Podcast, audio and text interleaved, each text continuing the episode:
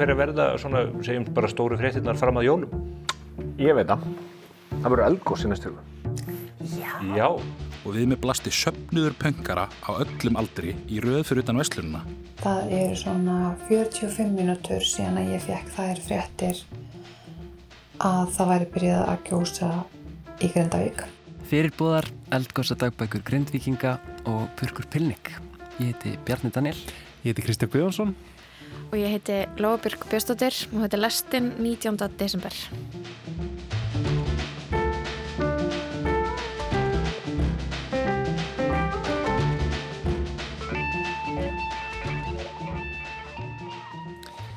Við ætlum að byrja lestina í dag á stórfréttinni frá því gær eldgósinu sem hófst sent í gerkvöldi á Reykjaneskaga við uh, frá því að Grindavík var rýmt uh, hérna fyrir rúmum mánuði síðan þá höfum við verið nokkur reglulega með hljóðdærbækur frá grindvíkingum sem hafa um, sett okkur inn í tilfinningarleg lífsitt og, og hverstægin á þessum undarlegu tímum. Um, við höfum ekkert heyrt í þeim núna í nokkrar vekur um, að því að það hefur nú eiginlega bara allt verið með kyrrum kjörum en núna er allt farið í gang og uh, við heyrum aftur í þeim Andreu, Sigeri og Teresu.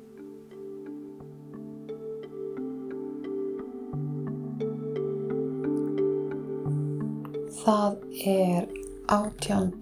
desember 23 og klukkan er rétt rúmlega 11. Það eru svona 45 mínútur síðan að ég fekk þær fréttir að það væri byrjað að gjósa í Grindavík, eða við Grindavík. Andrea Ævarsdóttir, bókasapstjóri, hefur verið flottakona í eiginlandi í 39 daga og nú er hafið eldgós. Síðan þá er ég búin að sitja hérna með vefmyndavillar opnar í tölfunni hjá mér og að horfa á rúf og býða eftir að silfrið verði búið þannig að auka fréttatími geti hafist. Það er verk að vinna í sjálfstæðarfloknum. Við þurfum fáum skilabóði þessum konunum að við þurfum að standa okkur betur. Við þurfum að ná meira ára. Og ég er búin að fá skilabóð frá fólki sem að ég þekki út í Keflavík og er að segja mér hvað Þetta lítur út frá að vera stort og þetta verðist vera miklu starra heldur en síðustu gós svona til að byrja með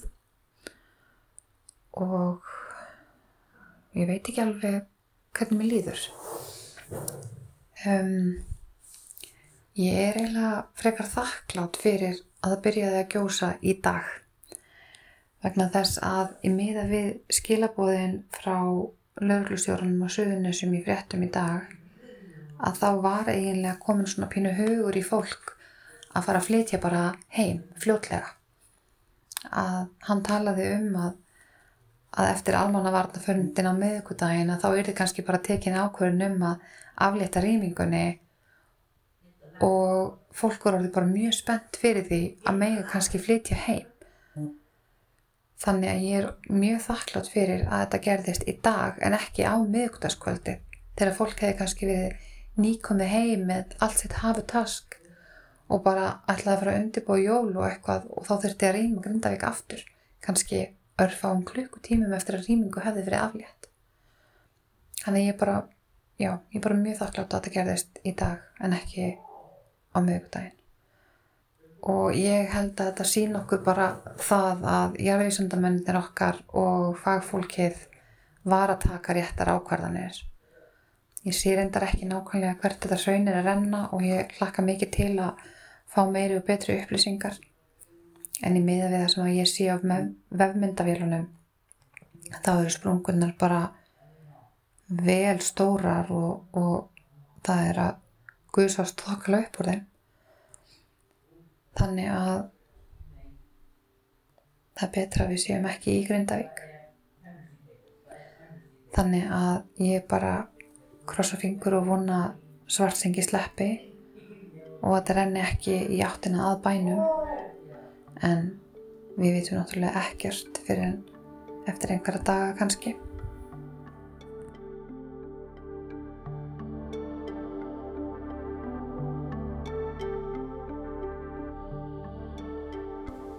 Það er þriðdagur 19.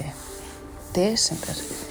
Teresa Birna Bjöstóttir kölluð Teresa Bangsa, tveggjabarna móðir, daginn eftir að eldgós hefst. Ég fór að sofa um fimmleitið. Það er rosalega skrítið að þetta var eins og við værum einhvern veginn bara aftur farin að byrjunarreitt. Það var að byrja svona ákveð veist, sorgarferðli bara einhvern veginn hjá öllum. Bara eins og fólk var að sjá, þú veist, það var einn annan sveitungi okkar sem að vildi bara vera heima og kunni eitt annað og þess, það var farin svona að grýpa um sig örvending og reyði sem er bara partur af sorgaferðli eitthvað neginn. Sigur Ævarsson, grunnskólakennari, hefur dvalið í breyðholtinu frá rýmingu, ásand konu og börnum. 19. desember, klukkan er rúmlega þrjú, það er að byrja að gjósa og það er ákveðin léttir að þessi byrja að gjósa. Það gerist í gerðkvöldi og kannski ekkert skrítið að maður er að hýrta þessu fyrsta samfélagsmiðlum en það sást gósið vel frá Keflavík og reyna frá Reykjavík líka á okkurum stöðum. En það er hálf ótrúlegt að hérna að maður býða einhvern hálf tíma að fá einhverja staðfestingu svona frá fréttamiðlum og svona. Það er að viðbræði væri meira en það var ekki og fyrir var en engin sem var svona setur óþægilega tilfýringa að manni var að vera inn í bænum. En svona ákveðin léttir að þessi komið gós og við eittum ég held að vaka til tvö germ á svona fylgjast með frettatímanum auka og vefndavélunum og spjallaði fólk og svona fylgjast með því sko hvert þetta færi og hérna maður sá sprunguna bara stekka í söður á vefndavélunum en flæði var meira norðamegin hann er að hérna grindaði hverjast vera í í örgu skjóli, ekki samt skjóli það er náttúrulega opið beintanninn en þannig að ef þetta fær eitthvað í hérna söður þá er í Grindavík og Lendurhaun Teresa Bangsa. Sko það er ekki nema þrýr dagar síðan að ég fór með börnum mín bæði 9 og 15 ára í Grindavík til þess að sína þeim að væri bara allt í lægi með húsið og þau voru alveg ótrúlega spennt og dóttur mínu vildi bara endilega fara. Þannig langaði mest af öllu að fara heim til að finna lyktina heima. Og ég var við því og við gáttum ekkert verið neitt rosa lengja því að e, það var ekki búin að fráveitu kerfið á mínu húsi og við gáttum ekki styrta niður eða nota vatnið eða neitt. En við kýttum og svona minn myndist á það þá hann finnist þetta yfir þyrmandi. Hann er ekki bara elgósið að fara að koma inn upp? Að því sprungan liggur þessi þar sem að eldgósi byrjaði, hún liggur í gegnum húsið á næstakarði hún er bara einu húsi frá okkur. Þessi lína sko. Og ég hefði, nei, nei, þú veist það er alveg búin að segja það, veist, hún er aldrei að fara að koma upp í miðin bæ og eða ná hingað. Þú veist, svo gerist þetta bara Ég held að öllum sé, eða, flestum sé svona þetta sé léttir fyrir marga þetta sé, þessi flokksins farið að gjósa og núna hugsa menn, já já, nú getur þessum atbyrði farið að ljúka. En þannig að þú veist það er svona ákveðin óvissu þáttur farin út en það er alltaf bara óvissu þáttur tekið við það er til dæmis hvernig þróast þetta? Er þetta bara þetta verðist nú strax verið að draga, draga úr þessu? Uh, voru margir farnir að eða svona sumir farnir að huga því að halda jólín heima og það var mikið tilfinningarúsöpun í gangi hjá þeim annars vegar þeim sem að ætluða að fara heim. Og bara farnir í starthólunar og þegar það kom tilkynning frá hérna húnum Úlfari um að það veri bara alla líkur því að veri hægt að fara heim. Og úrsipöni á þeim sem að ætluðu ekkert heim, hvort þeir þyrtu bara þá að fara heim. Og það var mikið svona óruleik í gangi. Það við getum bara hægt að pæli því í bíli þannig að nú bara förum við aftur að stað með plönun okkar um að halda hérna í Akarsilinu það er búið að telja út stólana það er nóg pláss fyrir alla og búið að kaupa þeirra hryggi og svona þannig að það er bara tekur á við svona þessi sama staða sko, halda áfram að þess að býða og sjá og maður getur bara ekkert gert. Núna bara er maður aftur komin að núlreit að setja frosinn og fylgjast með símanum allan daginn. Og verna fyrstu dagana eftir rýmingu í símanum stanslust örgla bara í 12 tíma á dag alltaf að gá að einhverju nýju ég var um þetta hér í mömmu, hún er alveg eins bara getur ekki hugsa skýrt eða bara eitthvað refresha Facebook sko.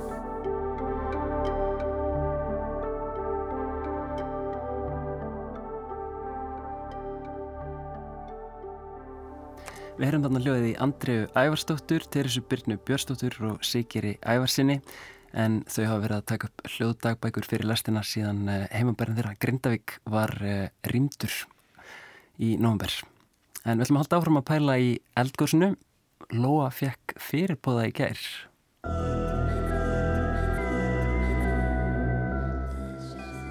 Í gær þurfti vinkona mín að tæma hluta af íbúðinu sinni svo það væri hægt að hefja framkvæmdir. En þegar hún kerði í burtu að heimann ældi hún alla leiðina á áfangastað yfir allan bílinn. Ælan var rauð. Ég fór á kaffihús í gerðkvöldi að hitta vinkonu mína en hún kom aldrei. Börnun hennar sopnuði ekki. Sama hvað hún reyndi þá vildi þau ekki sopna. Önnur vinkonu mín byrjaði á blæðingum eftir langa byggð og annar vinkonu minni tókst heldur ekki að svæfa bönnin sín. Samstagsmaður minna Rás 1 þurfti að koma upp í útarsús til þess að bregðast við eldgósunu og hann sagðist að það hefði verið tilbúin þegar símtali kom. Hann vissi að hann þurfti að koma. Dóri Djena sagði þetta í spursmálum um helgina. Hafið tilfinningu fyrir því hverja verða svona, segjum bara stóru fréttinnar fram að jólum? Ég veit það. Það verður eldgós í næstu hugu. Já. Já. Reykjanesi, þessi gós á Reykjanesi, þau hafa öll verið eins.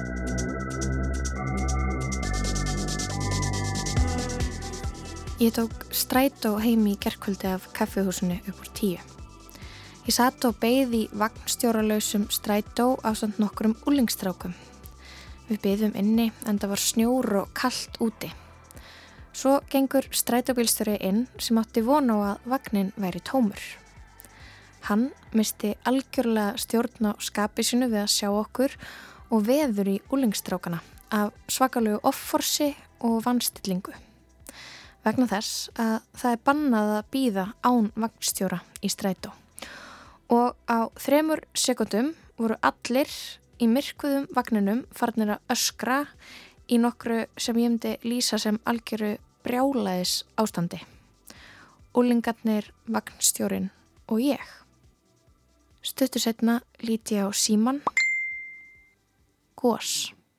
Um, ég var ekki alveg að hlusta það því að ég var að fá uh, smá tíðindi í erun. Það er vist byrjað eldgós á Reykjaneska. Uh, það er meira... Það er meira en þetta eru bara tilviljanir. Ekki fyrirbúður um eldgós. Þannig að, uh, sérstaklega já, hafið, hafið eldgós. Ég veit ekki me mikið meira en það akkur núna en það, það á... Sumir fengu skýrari fyrirbóða en brjálæðiskast í strætó og óvendar blæðingar. Bjartei Elín dansari var berðriminn. Já, mig dreymdi Elgós og já, svo kom Elgós. Ég var á Keflækaflugvilli og svo bara myndaði svona sprunga í vagnum og byrjaði bara að leka kvika út um þessa sprungu og allir fóru bara að hlaupa um á milli rýma og kvikan eldi alltaf en við komumst aldrei út úr hérna, fljóðvillinum. Það var svona endalus streymir. Hefur þér áður, hefur þér áður dreymt eldgós? Mm, ekki svo í muni og ég hef aldrei verið eitthvað berðdreym en áður. Hvernig leiðir það að byrjaði að gjósa og þú myndir eftir svon draum? Var bara frekar spennt og hilsa. Varstu hrætt í draumunum? Já. En erstu hrætt núna við gósið? Ekki eitthvað svona upp á líf, sko, kannski bara frekar upp á heimileg fólks. Um helgina heiti ég spákonu stuttlega í samkvæmi. Hún heitir Hrönn Fredriksdóttir og er búsett í hveragerði. Ég ákvaða að ringja í Hrönn og spyrja hana hvort hún hefði nokkuð fengið fyrirbóðum eldgósið í gær. Það hefur lengri aðdragandi yfirleitt hjá mér að, að svona, á svona fyrirbóðum. Mm. Það bæði það að þegar að var verið að tala um jarðræðingur og var verið að rýma bæinn að þá vissi ég þá bara fjekki það fyrirbóða að það erði gós og það erði starra heldur en hinn voru búin að vera sem við hafa verið og síðan dreymið mér nokkur um dögum setna að það, það, það, það yrði flóð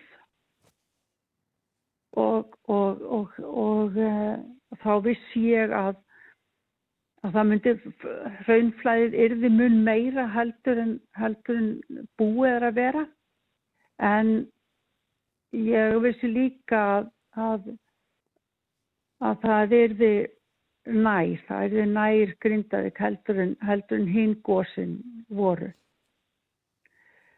Eins fekk ég stutti segna, fekk ég fyrirbóða og það aftur í draumi og þá að það erði trúlega lítið um að vera í Grindavík í langan tíma. Mm -hmm. En var eitthvað í gær, eitthvað í gerðkvöldi sem að Þa, það var svo skrítið, já, það var það að, sko ég fer yfir snemma að sofa, mm. en ég gæti ekki farið að sofa í gær. Mm. Og, og, og var óvinnilegt, það var óvinnilegt hjá mér að ég fylgist yfirlega ekki með stjórnmálaumræðu, en ég hafði sjónvart á með engu hljóði. Þannig að ég sjá þegar að komi tilkynningar um eldgós og þá hugsaði ég, já, já, ok, þetta komi, ég hef rétt fyrir mér. Mm -hmm. Þannig að það var eitthvað í gær sem að, sem að fjekk mig ekki til þess að fara inn að sofa eins og ég er vön að gera. Eða á sama tíma, skilur.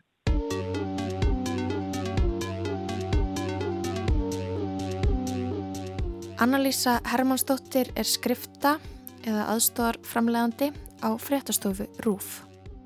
Sko, þetta er góð spurning. Er þetta kallt að fyrirbúða? Kanski. Ég ætla hann að var hérna í vinnunni uh, á fréttastofunni. Við erum búin að vera með svona jólaskreitingakeppni í gangi. Þannig að við skreittum svona hérna glerbúr sem við erum með hérna og ég hengdi upp svona sjálfsjálpar svona kvót upp á vegg þar sem að var áður viðbrasáallun við sko eldgósið eða almannavarna ástandi þar sem er bara svona gátlist yfir hvað þarf að gera ef að til dæmis byrjar að gjósa. Og þetta var í gangi í síðustu viku og í gær kvöldi rétt fyrir fréttir, sjöfréttir þá var ég bara hvað heyrðu, já, viðbrasáallunin ég þarf að hengja hann aftur upp, taka niður sér sjálfsjálfarkvot, hvað ef það kemur eldgós og allir fara bara að lesa relax, renew, refresh. Sjálfsjálfarkvot þannig hérna, ég brenda þetta bara út og, og byrjaði hérna hengið upp aftur og svo þrejum klukkutum sena byrjaði að gjósa. Óralega fæling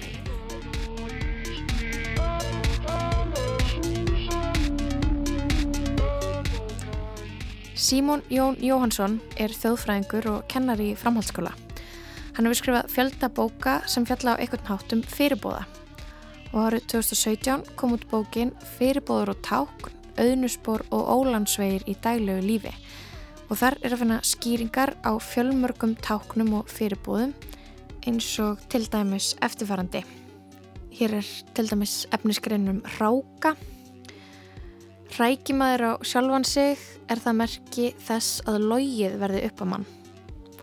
Og óráð er að rækja frá sér í myrkri, rákin geti lenda á einhverju ósynilegri veru og það er óheitlamerki að hrækja í eldin og samkvæmt danskri og þýskri þjóðtrú fá menn þá blöðurir á tunguna og varir þeirra þrútna út.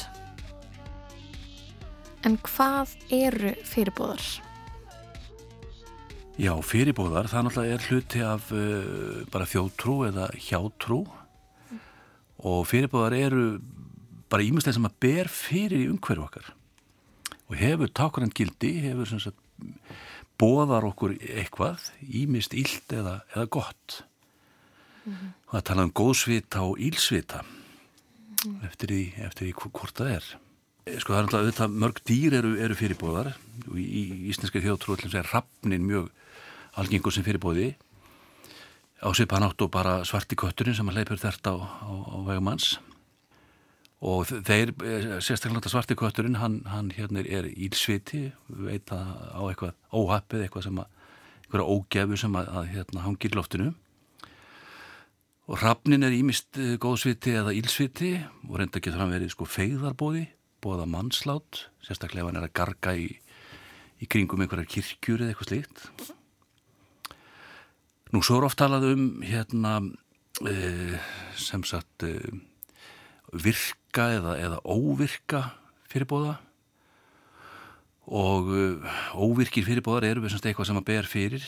Við klæjar í nefið þá reyðustu innan stundar.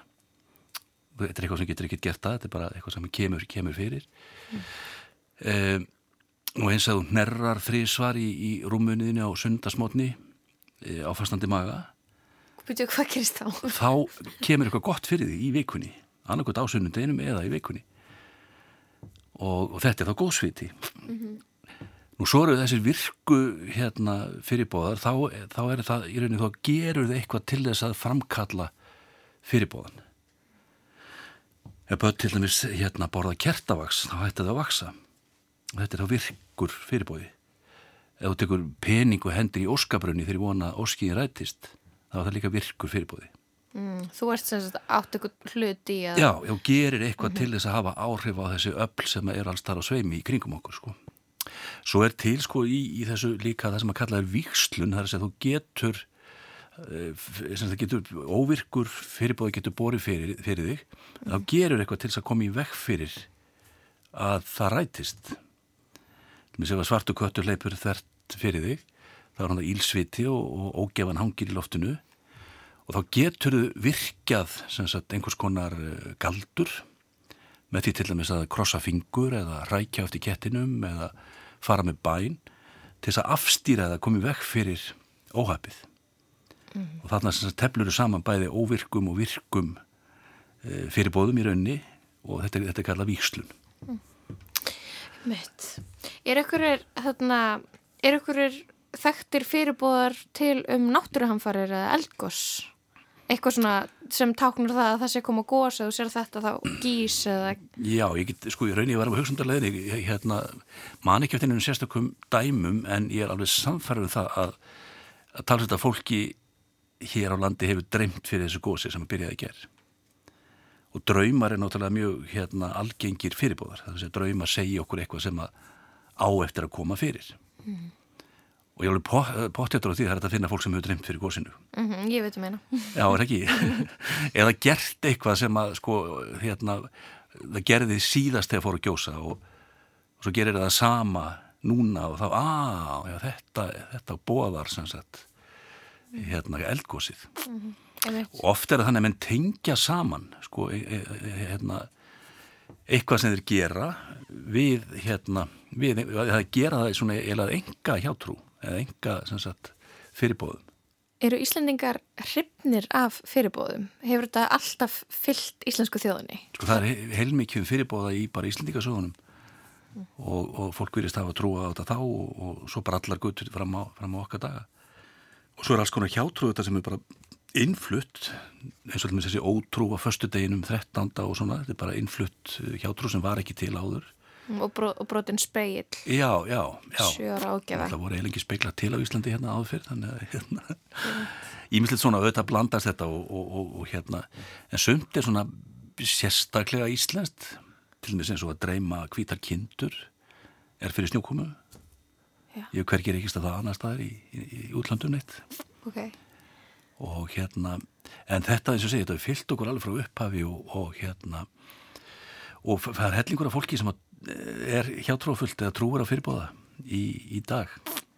En nú erst þú búin að skrifa mikið um þetta og, og, og, og hérna, kynna þér fyrirbóða mjög mikið um, en verður þú ekkert hjátrófullur á því að, að velta þessu svona mikið fyrir þér? Mm. Ekkert svona sem svona síast inn í undirmeðutundina og þú ser hrappn á stangli jú, og... Jú, jú, alltaf, ég hlust alltaf eftir gargi í hrappni, ég sé hrappni ykkur staðar og svona tekka eftir hvað hann er að gera og veit alveg að þeirri hjátrú sem er líkur hann að baki.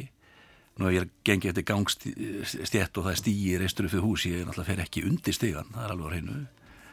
Og ég maður er mjög meðvitað um allt þetta sem hann alltaf búin að vera grúska í. En ég tel mér nú ekki að vera sérstaklega hjátrú á fullan. En ég þó þannig að ég tek með mér stundum lukku gripi. Ef ég er að fara í próf eða ef ég er að fara í flug eða eitthvað slíkt þá stingi í vasan hérna svo voru menn alltaf hættir að tala allt og mikið þannig í grindaði kum að, að þetta væri búið og, og menn hérna ættu bara að flytja aftur, aftur heim. Og það er alltaf mjög óvarlegt að tala þannig um náttúruna. Þá er alltaf þar maður að banki borð og segja 7.13 til þess að hérna, koma í veg fyrir það sem að hangir yfir manni. Mm. þannig að kannski hafa menn verið bara hættir að tala allt og mikið um að kæmi ekki gós Og, þa Og þá náttúrulega gos. Það er er það ekki bara frekar algeng hjátrú, kallað á ennsku að jinxa það? Algjörlega Kallar er- það fram að... kalla það fram, einmitt Mm -hmm. og þetta er náttúrulega mjög gömul trú þú, þú, sagt, þetta er eins og bara þú bölvar ekki, þú veist að því að þá kallar þið rauninni á fjandan sjálfan til þín þú segir ekki ákveðna hluti út á sjó til dæmis, af því að það getur þú til dæmis ekki um kvali út á sjó því að þeir geta þá koma kvalinir sko. Mm, já, ég held að maður segja ekki Macbeth í leikhúsi. nei, svo segir maður ekki Macbeth í leikhúsi sko. Þetta er svona einn tegund af, af hjátrú. Og maður ætti ekki að standa inn í Grindavík og segja að það er ekki að fara að gjósa. nákvæmlega. Þá er mitt fyrir að gjósa. Og þetta er náttúrulega allt saman sýnir okkur bara að við ráðum ekkit við að náttúruöflin eða þau öfl sem er í kringum okkur. Er eitthvað, eitthvað hjátrú, er eitthvað sem við hefðum getað gert til að koma í veg fyrir þetta gós, heldur þau? Hefði verið þetta að leggja eitthvað, að gripi eitthvað eða kalla á eitthvað eða... Já, ég meina því það er alveg ímislegt til sem að menn hefðu geta gert það á en ég held að séu áhar fáir sem að sem að trúa því ennþá að það, það virki. Mm. nema þeir sem eru þetta bara mjög trúaðir að þeir, þeir alltaf bara byggðast fyrir og, og hérna og trúa því að það virki. Sem það kannski gerir. Hvað fyrirbóðum hefur við verið að leita eftir núna meðan þetta gós stendur yfir? Ég, það er ómöld að segja. Það er ekkert svona ef að batni slefar eða eitthvað svona. Nei, ég held ekki sko. Ég held ekki.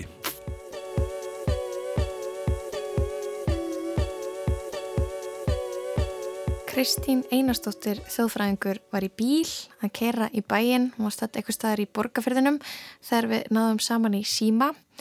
Hún setti fyrirbóða í samhengi við svo kallan jaðartíma eða liminal time á ennsku, umbróta á óvissu tíma. Og á jaðartímum sem er svona mikil óvissa, þá er oft sko jaðartími þegar eitt skeið er að taka við af öðru. Eh, kona sem er kannski ólétt og er mögulega helst þá að eiga sitt fyrsta bann, þá er hún á miklum jaðartíma eh, og mikil óvissa. Og þá reyna konur svona að finna út eða fólk svona að finna út hérna hvað framtíðin í skauti sér með alls konar táknum. Og eins til dæmis um áramót þá reynum við að velta fyrir okkur framtíðinni. Hvernig veður er á nýjastas morgun það finnst okkur segja eitthvað. Og uh, alls konar svona þessi jaðartími og jaðar ástand og þegar að núna þetta, þetta eldgós það eru búin að vera eins og allir vita jarðsæringar, það er búin að vera kvikusöfnun. Við erum búin að vera í rauninni á jaðartíma við veitum ekkert hvað gerist hættir þetta eða kemur gós og þá verðum við svona óörug og förum að reyna að lesa í alls konar og þá mögulega gæti fólk einmitt fara að velta fyrir sér alls konar fyrirbúðum. Það var svona gömul trú að þegar fólk var að fara á milli bæja og á göngunni þá kannski voru hrafnar og ef að hrafnin flög með þér, sem samferða þér, þá átti erindu eftir að ganga vel en ef hann kom að móti þér, þá myndi erindu eftir að ganga illa. Og ég veit til þess að nákvæmlega sama trú í rauninni eða sama svona aðferð. Ég veit um einn handbólta þjálfara sem að eh, þegar hann var að fara, liðið hans var að fara að spila og hann átti heim upp í Moselsbæ og gerðum allt sem hann gat til að lenda ekki á rauðu ljósi af því að það þýtti það að, leik, að leikurinn myndi fara illa. Hann, jafnvel ef hann lenda á rauðu ljósi að þá fór hann aftur heim og byrjaði upp á nýtt gera allt sem hann gaf til að lenda ekki á rauðu ljósi. Þetta er rauninni svona sama að reyna að lesa út úr einhverju kringum hann hvernig eitthvað gerist þegar við erum órug. Þegar allt getur farið svona eitthvað næðin. Mm. Einmitt, þannig eins og núna þegar það er svona ótrúlega mikið óviss ástand og við vitum ekkert er að gerast, þá leitum við í náttúruna eða jafnvel yfir náttúrulega. til þess að fá Já. eitthvað vissu eða eitthvað skilabóð eitthvað til að lesa í, eitthvað til að rýna í. eitthvað til að fóta okkur. Það er bara algjör óvissa. Þegar er óvissa, þá reynum við að leita í eitthvað í kringum okkur til að fóta okkur í óvissinni. Mm, Fá eitthvað svör. Fá einhver svör, einhvern veginn. Nákvæmlega. Emmitt. Um, Það er trú, þannig. trúur á fyrirbúða? Ég veit ekki alveg hvað ég á að segja. Ég er einhvern veginn trú öllu og trú engu og bara get alveg trúað á alfa og mögulega tröll og, og hérna hvað sem er. En hérna, æg, mér finnst þetta bara, ef að fólk trúir að það til. Meðan að börn trú á jólasveinin, þá er hann til. Og ef að við trúum að alfa séu til, að þá er það til. Og ef að einhver sér eitthvað Ég veit ekki hvort að ég beint myndi trúa á fyrirbóða, en því ekki það.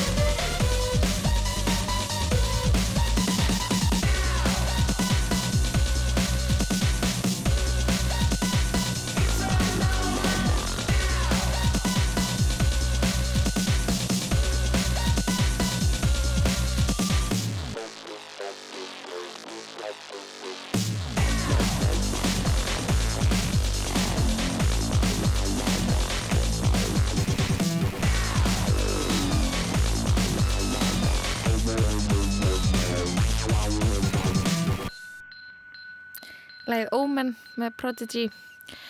Fengu þið eitthvað fyrirbóða um þetta gós í gær? Ég er svo ótrúlega aftengtur greinilega uh, jörðinni að, að ég fekk engan fyrir bóða þetta var algjörlega svona um, venjulegu dagur Allt var venjulegt. Allt var venjulegt var fram á það fyrirbóðin. Þetta var svona óvenjulega venjulegur dagur.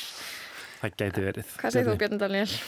Uff, uh, sko, já, einmitt, ég kannski var svona óvenju tilfinningaríkur í gerkvöldi, ég tók smá pyrringskast, ég var að reyna, reyna að klára skólaverkefni um, og svona, já, misti smá stjórn á skapinu, Vá, sem er einmitt. kannski, já, kannski frekar óvennilegt fyrir mig, sko. Nú eru öll svona rifrildi gerdagsins, það er ekkert hægt að hérna, afsaka sig Mm, Þú ert með svo góða afsökun.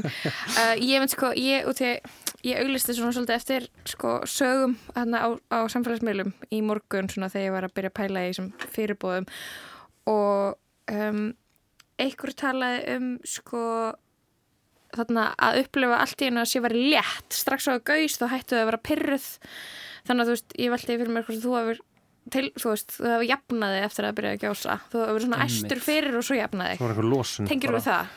Sko, ég náttúrulega, ég skilaði inn síðasta verkefni mínu um svipar litið og það var að gjósa, þannig að það er kannski erfitt að svona setja puttan á að hvað, Já. já, en ég kl upplýði klálega mikið letti í gerðkvöldi, sko. Mm. Það voru marg, það voru margir sem sendin að þeir hefðu líka byrjað á túr einhver sagði að það hefði verið einhver óþægileg þögn fyrir Mhm. gósið um, það var svona, það var þetta að lesa í margt sko. Algjörlega. En uh, við ætlum að snú okkur að uh, tónlist. Um, Sævar Andri Sigurðarsson er, er mættur með pistil um, og allar að fjalla um nostalgíu eftir tónlist sem að uh, maður mann ekki eftir, eða upplöði ekki sjálfur á sínum tíma í tilöfnið því að, að Purkur Pilnik kom, kom saman núna á dögunum og spilaði tónleika sem að margir töluð um. Ég er hérna, naga mig í handabökinu, hafi ekki náð þessu.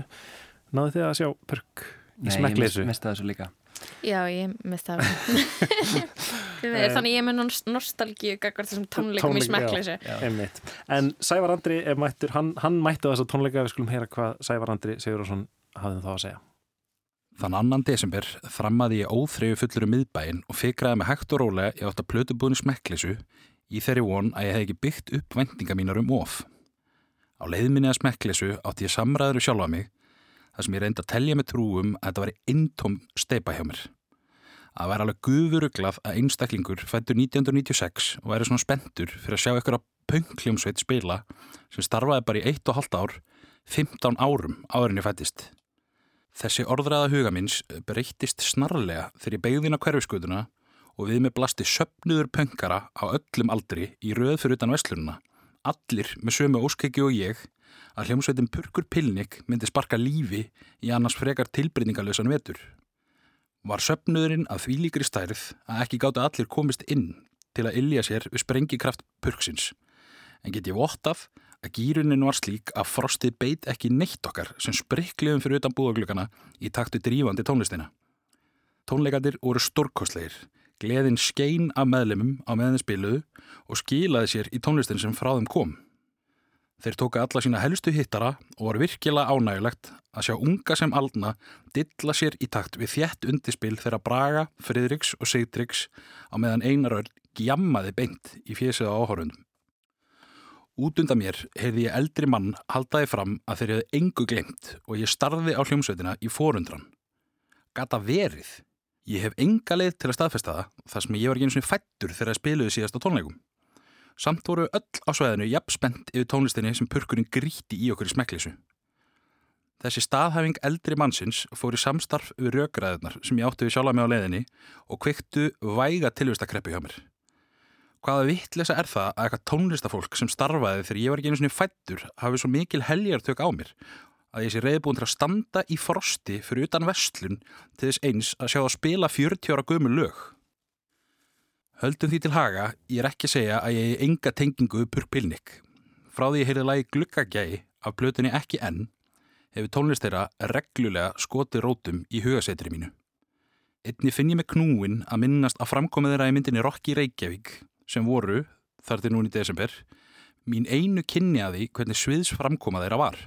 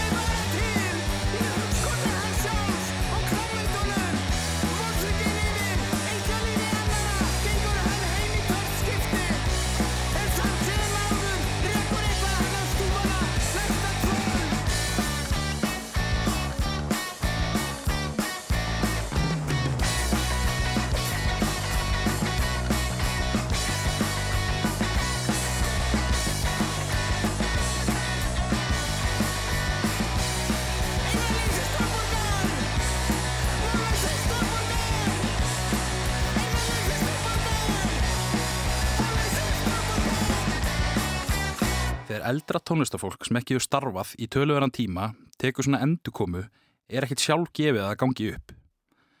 Í miðri tilvistakreppunni rifjaði ég upp þegar ég stóð í góðravina hópi á Malarvelli í Barcelona fyrir nokkur árum að horfa Brian Wilson úr Beach Boys taka sínu helstu hittara á Sann Ljónsveit. Þráttur hann sé einn helsti brautriðandi tónlistar sexunar þá verður að segjast að hann mátti muna fífil sem feguri og hann virtist vera alveg týndur á sviðinu. Af ykkur í ástæðu gáttu við samt ekki litið undan. Það sem frammi fyrir okkur stóð einn á stólpum tónlistarsögunar og fólk hefði líklegast tekið honum fagnandi þó hann hefði bara staðið við hliðsviðsins og klappað með. Ég hugsaði staðfast að þetta væri allt saman eitthvað svona nostalgíja sem gagtækja mig svona en við nánari aðtugun kom það bara ekki heima saman. Nostalgíja er fyrirbæri sem hefur verið líst sem ljúfsár söknuður eftir liðinni tíð og einkennist kannski frekar af ykkur úr æsku þegar allt var einfaldara. Hefur það til að mynda sínt sér í formi fólks á færtugsaldri sem haldið er þráhyggju fyrir tíunda áratögnum. Lofsingur til dæmis teiknimyndi þess tíma í gríð og erg. Með þessa skilgrinningu nær engri átt að ég sé að fyllast nostalgíu fyrir tónleikum hljómsveitar sem kom saman síðast þremur árum en ég fættist. Ég upplýðist líka nostalgíu fyrr á þessu ári þegar ég bráð mér á fund frelsara minna frá heimabænum.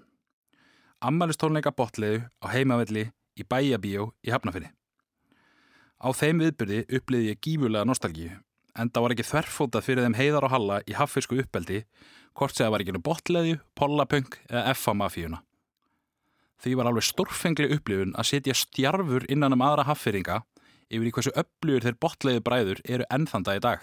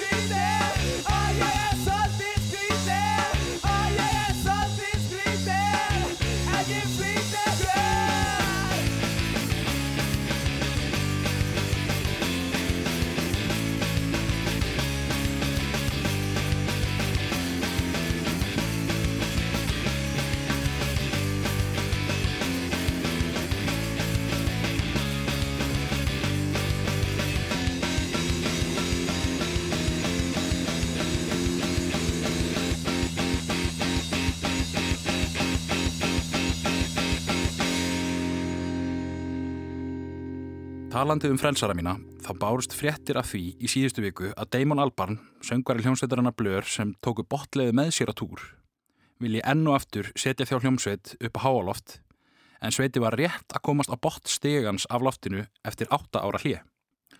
Sagði hann að veri komið gott, hann hefði engan áhuga á að hanga í fortíðinni, þrátt fyrir að þeir eru gefið út splungu nýja plötu í júli á þessu ári við góðar undirtektir, bæði gaggrinenda og aðdáðandaðira.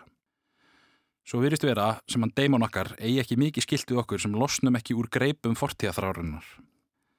Blur aðdáðendur hafa þurft að sætta sig við það í tvö skipti að hljómsveitin leiði upp laupana eins og hann virðist nú verið að gera í þriðja skiptið. Ætli við ættum ekki frekar að læra á hann Damon, hætta að líta á þetta sem endur komur, heldur um sömu augum og stjörnurrapp. Það er ekki holdt að velta sér of mikið upp úr í hvena næsta rapp verður, heldur frekar að staldra bara við og njóta þess að horfa á það á meðan hægt er og halda svo áfram að rölda heim með harsperur eftir tjútið á tónleikunum.